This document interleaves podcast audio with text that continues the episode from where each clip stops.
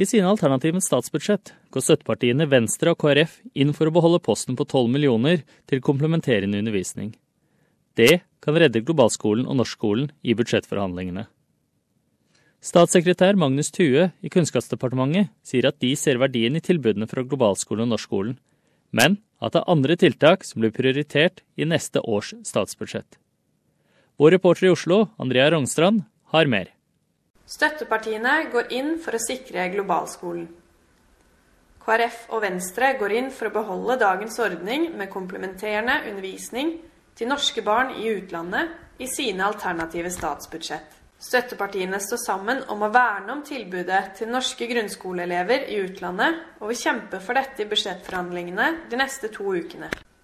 Iselin Nybø, som er stortingsrepresentant og første nestleder i kirke-, utdannings- og forskningskomiteen til Venstre, sier at hun har god tro på at de kan få gjennomslag for komplementerende undervisning. Ja, det er jo sånn at når, når både KrF og Venstre legger inn eh, de samme krav, så styrker jo sjansen for at dette når igjennom. I regjeringens forslag til statsbudsjett, som ble fremlagt 6.10, var ikke komplementerende undervisning inkludert. Statssekretær Magnus Thue i Kunnskapsdepartementet sier at prioriteringen er gjort for å sikre andre tiltak. Eh, jeg syns det er eh, bra at eh, mange norske elever som er i utlandet, ønsker å beholde en tilknytning til den norske skolen.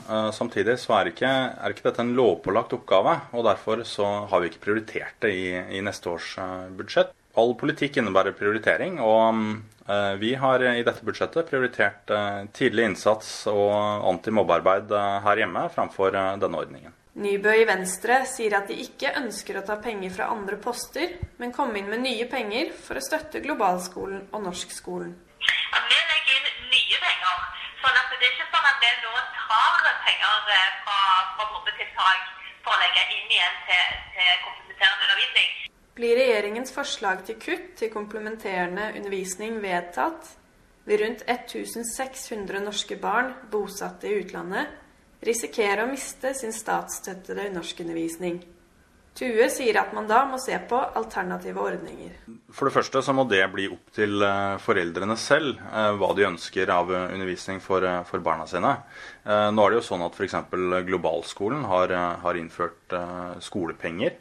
Det er hvis, hvis, foreldrene fortsatt ønsker et sånt tilbud, så, så vil nok det fortsatt være tilgjengelig. De må bare betale noe mer for det enn det de gjør i dag. Partiene skal etter planen komme til enighet innen torsdag 24.11. Jeg registrerer at både Venstre og KrF har lagt inn i sine alternative budsjetter. Og så har jo budsjettforhandlingene startet i dag. Og så får vi se resultatet av det når det kommer senere denne måneden. Andrea Rongstrand for SBS norsk i Oslo.